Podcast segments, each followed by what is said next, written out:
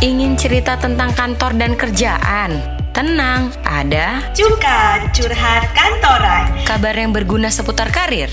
Di sini, di Cuka curhat kantoran. Hari ini di Cuka Curhat Kantoran Pembahasan tentang tipe-tipe pekerja perempuan Alpha, Beta, Omega Nah, kalau kita bicara perempuan gitu kan, kita tahu bahwa perempuan itu kan multi peran, iya kan?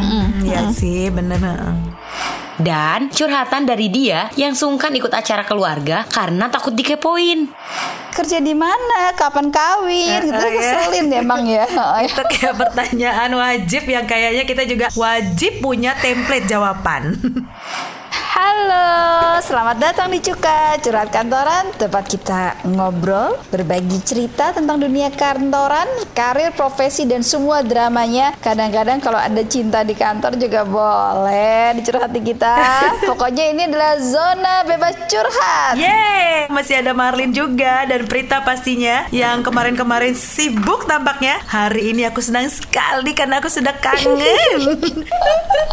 Aku ada untukmu, Marlin Apa yang enggak sih buat kamu dan Cuka Cie, Uh, uh, uh, uh. Kita- Drama banget ya kita ya Kayak kayak lagi dubbing drama Korea gitu loh Oke lah kalau gitu kita bakalan cerita-cerita tentang tipe-tipe perempuan di dunia kerja. Nah, itu dia. Penasaran kan? nanti kita akan ulik-ulik lebih dalam lagi bersama salah satu narasumber kita, ya kan? Nah, sebelumnya kita akan kulik dulu yang namanya drakor.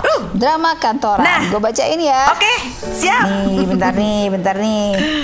Dear Kak Marlin dan Kak Prita, aku bukan anak kantoran, tapi aku mau curhat. Loh. Boleh, Boleh deh, boleh.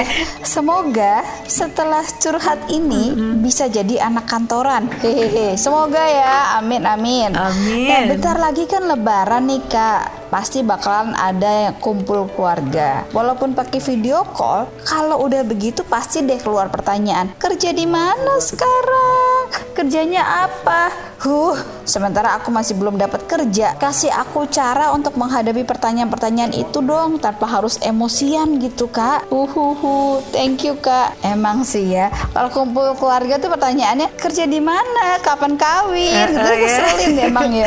Itu kayak pertanyaan wajib yang kayaknya kita juga wajib punya template jawaban. Jawab aja baik-baik. Jangan baper ya kan? Daripada nanti kita baper malah jadi ribet. Jadi mendingan jawabnya gini. Iya kak, aku masih explore-explore dulu. Bisa dong jawab kayak gitu ya kan? Karena kan lagi cari yang terbaik. Tante, om, mbak, mas. Nyari sesuai dengan passion, sesuai dengan harapan. Syukur-syukur juga dapat role atau jabatan-jabatan yang cocok. Ya pokoknya mudah-mudahan dikasih Tuhan lah. Sekalian ya om, tante minta didoain. ya nggak? Iya, bener banget tuh kesempatan tuh minta doain tuh. Kalau gue sih pikirnya gini, jadi bilang aja, aku masih mencari, tapi sekarang aku lagi asik banget belajar apa gitu. Hmm, jadi bener. menunjukkan bahwa kita tuh aktif. Jadi ceritain aja, aku lagi asik banget belajar ini, aku lagi ngulik-ngulik mengenai ini gitu. Karena aku pengen menjadi ini Nah, gitu. itu jadi dia, kan? kita mesti nunjukin sama mereka bahwa kita lagi develop Sesuatu, gitu. Belum bekerja ya. tapi kita lagi terus develop gitu. Diri Nah, kita. itu tuh uh, jawabannya tuh bakal uh keren gitu loh. Jadi oh pasti nanti tante-tante tuh bakal bilang, "Oh iya kamu semangat ya. Bin- bener tuh belajar itu tuh." Siapa tahu tante biasa, "Eh tante kenalin sama teman tante ya Nah. yang biasanya expert di sana." siapa, tahu dapat kan? network Eh. dari dari keluarga kita pada saat kumpul-kumpul. Jadi kayaknya sih eh, pada saat itu kita juga harus punya mindset yang positif aja bahwa ketika kita ketemu keluarga nggak usah takut. Jadi kayak nggak usah takut, nggak usah baper, dibuang dulu emosi-emosi negatif. Karena kalau kita anggap itu beban nggak dapat berkat. Jadi mendingan kita rubah beban jadi berkat gitu aja ya. Setuju banget. Jadi Oke, udah kejawab ya. Iya. Nggak usah takut ya. Nanti kalau kumpul-kumpul lebaran ya pakai tapi tapi ingat ya, Uh-uh. kumpulnya pakai video call dulu. Jangan kumpul-kumpul langsung karena covidnya masih belum Res. beres. Oke, kalau gitu kita udah dulu ya drakornya ya. Kita langsung masuk ke topik kita yang paling inti yaitu seputar Hari Kartini dengan tipe-tipe perempuan pekerja yang tadi sudah disounding sama Prita ya kan? We'll be back. We'll be back.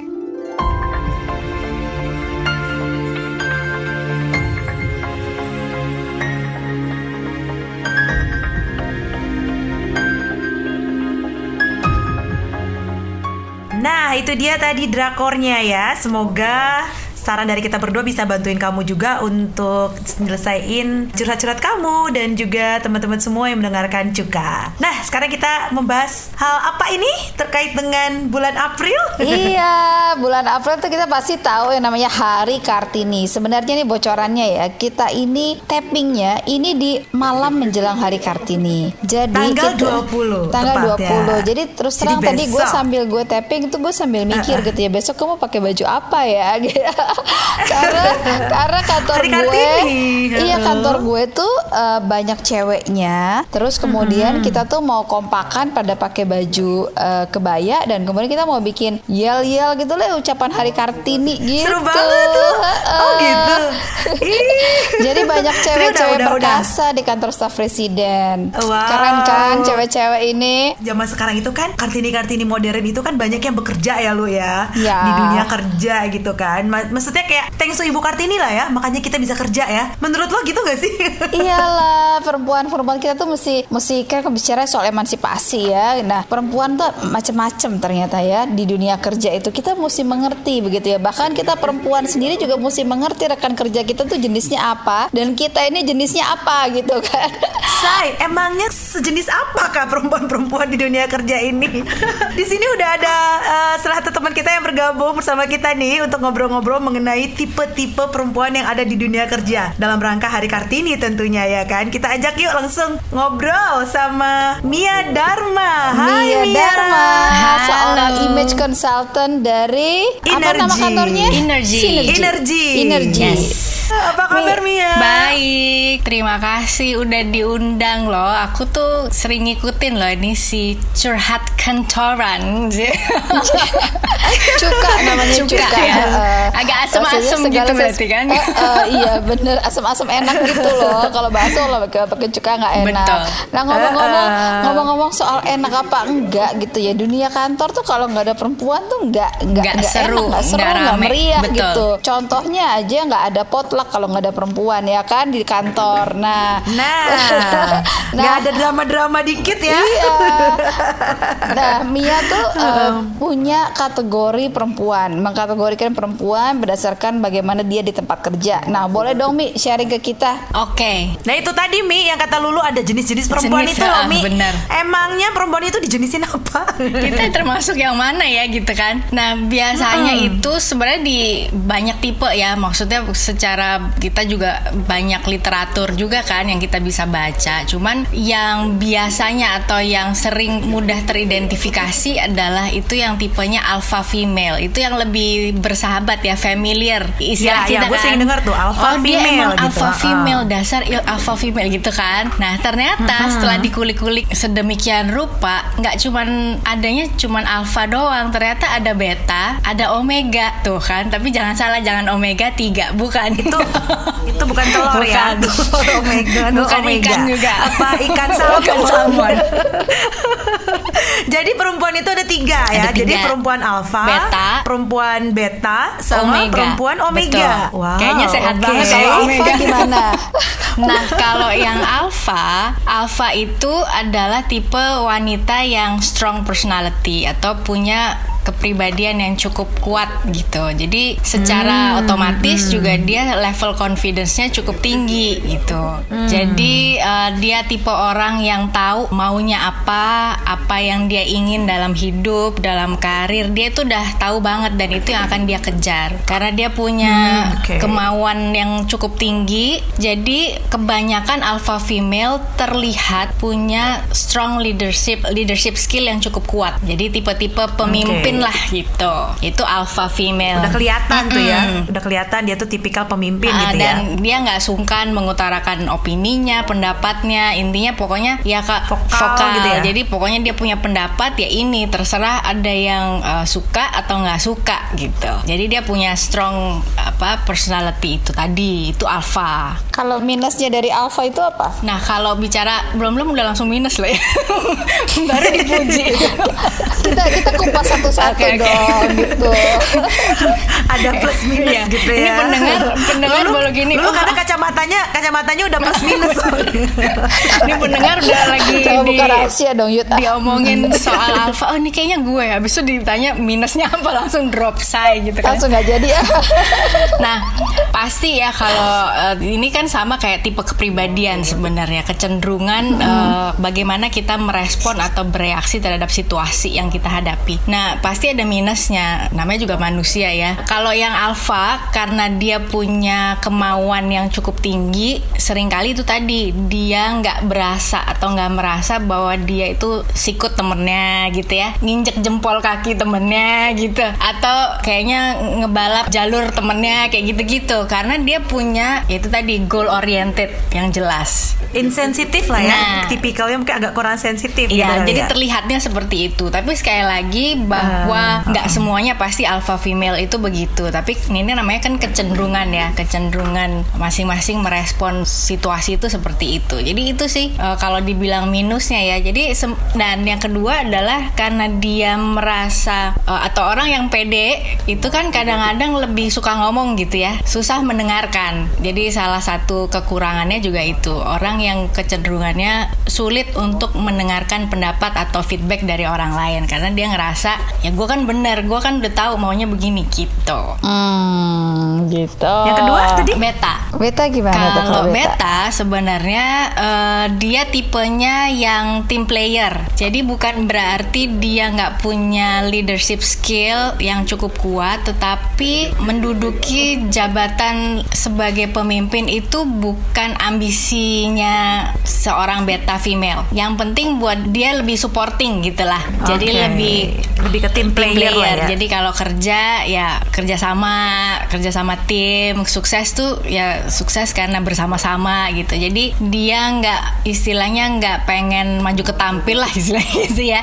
Tetapi bukan ber Nggak maju tampil. tapi bukan berarti dia nggak bisa jadi pemimpin karena dia sebenarnya punya kekuatan adalah kalau si alpha kan lebih kayak logika ya rasional terus yang main gitu. Nah sementara si beta ini balance-nya dia juga punya rasional, dia juga punya empati, perasaan. Jadi lebih luas sebenarnya. Jadi dia bisa switch antara kapan pakai rasio, kapan pakai feeling nih, kapan pakai empati. Nah itu. Tetapi karena kecenderungannya lebih apa ya tim player itu sosoknya kalau dilihat dari sisi leadershipnya jadi nggak sekuat si alpha. Karena dia memang tipikal pasti lebih ke mau mendengar juga Betul. ya. Suportif lah Nah, istilahnya dan gitu tipenya ya. kalau dia pekerja itu yang tipe loyal lah. Jadi kalau udah udah suka ya udah di di situ terus gitu loyal karena support aja gitu kan. Kalau kurangnya apa si Miss Beta nih? Si Miss Beta Miss- kurangnya Miss apa? Beta. si Mbak Beta, Beta ini gimana? Hita. si Beta Hita. Cici ya Cici. Si Beta ini gimana? si Miss Beta ini kurangnya jadi itu karena ya orang ngelihat dan dia biasanya selalu berada di sekelilingnya Alpha. Jadi kayak second kalau bilang second man-nya atau second woman-nya ya gitu ya. Gitu. Ya menjadi orang kedua itu kan nggak mudah juga karena dia kalau pemimpin dalam apa susunan apa leadership itu kan menjadi orang kedua ini kan yang balance-nya. Nah, sementara kalau dari sisi minusnya ya orang ngelihat dia itu ya as a second man, as a second woman aja gitu. Padahal otaknya ada di dia Sebenarnya gitu ya. strateginya kan di situ. Strateginya nih orang ini sebenarnya Iya kuncinya betul gitu karena kan. kan kalau alpha di mana alpha itu suka lupa pakai hati dia yang kasih apa sih bisikan Balance. bisikan Hmm. Empathy.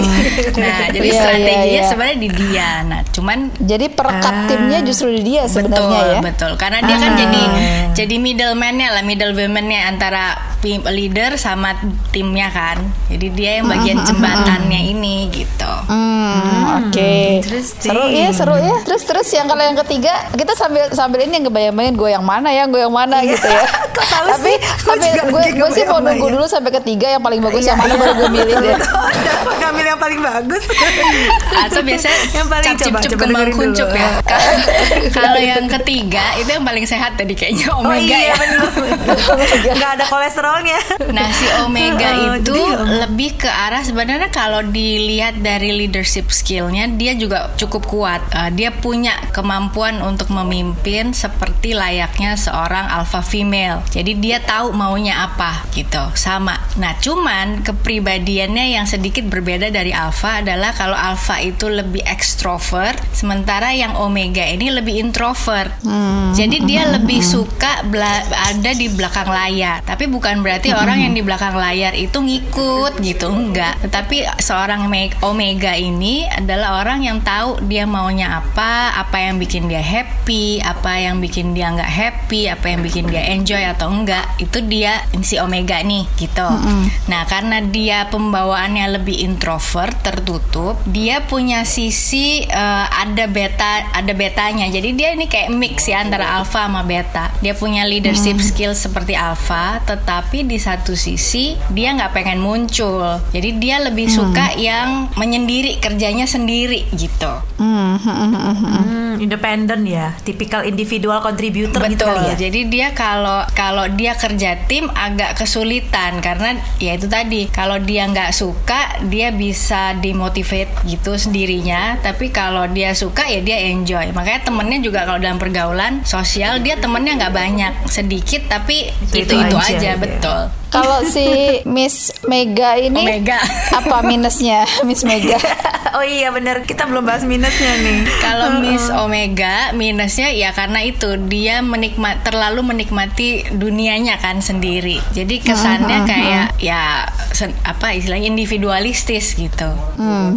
Jadi gitu. harusnya lebih bisa ber- belajar lebih keluar, bersosialisasi gitu. Karena kan ya kita tahu ya kerja kan mau nggak mau networking tuh harus ya. Nah sementara dia ya kalau mood keluar, kalau nggak mood ya udah sendiri aja gitu. Ketika di, di- kita tahu oh kita tipe yang alpha, apa omega atau beta, tadi terus haruskah kita improve dengan minus-minus yang kita punya tadi atau gimana tuh? Nah, sebenarnya kan in- ya namanya hidup, namanya apa? Belajar. Ini kan proses ya kita hidup kan berproses terus. Pasti ada pembelajaran lah setiap hari gitu ya, setiap saat yang kita bisa lakukan. Dan manusia kan pasti ada plus, ada minusnya. Intinya adalah sebenarnya mau ini dilihat dari tipe kepribadian atau tipe apa wanita dibagi alfa, beta, omega dan lain sebagainya. Kita nggak bisa pakai itu sebagai alasan untuk kita nggak mau maju. Hmm. Contoh misalnya, ya kan gue beta, kan udah tahu ciri-ciri beta seperti apa. Emang nggak nggak mau jadi pemimpin, jadi ya janganlah,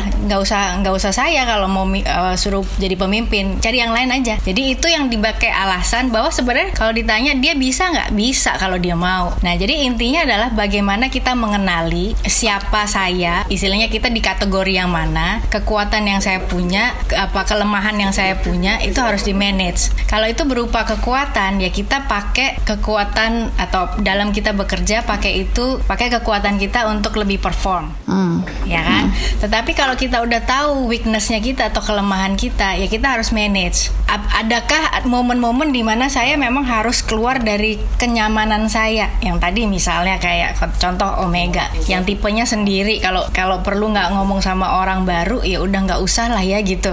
Pokoknya toh saya bel- kerja sendiri bisa kok kelar kok gitu kan? Tanpa harus minta tolong ke orang tetapi kan kalau misalnya kita harus minta tolong karena itu bukan spesialisasinya kita ya kita harus keluar dari zona nyamannya kita. Walaupun untuk ngajak ngobrol orang baru mungkin nggak nggak nyaman buat dia. Ya nggak mudah gitu Ah. buat dia, tapi ya kita harus berani untuk betul improve gitu betul. ya. jadi intinya adalah bagaimana kita menggunakan kekuatan yang kita miliki untuk kita bisa menghasilkan yang lebih baik dan memanage kelemahan kita dan tidak pakai itu sebagai alasan gitu Mhm. Ada nggak sih Mia misalnya eh, dia di tipe pekerjaan alpha omega tapi di rumah tuh enggak gitu mungkin nggak berbeda mungkin aja jadi kan sebenarnya Tapi Hah? itu itu bukan ini dong, nanti dikira ber- berkepribadian ganda. Ah, enggak.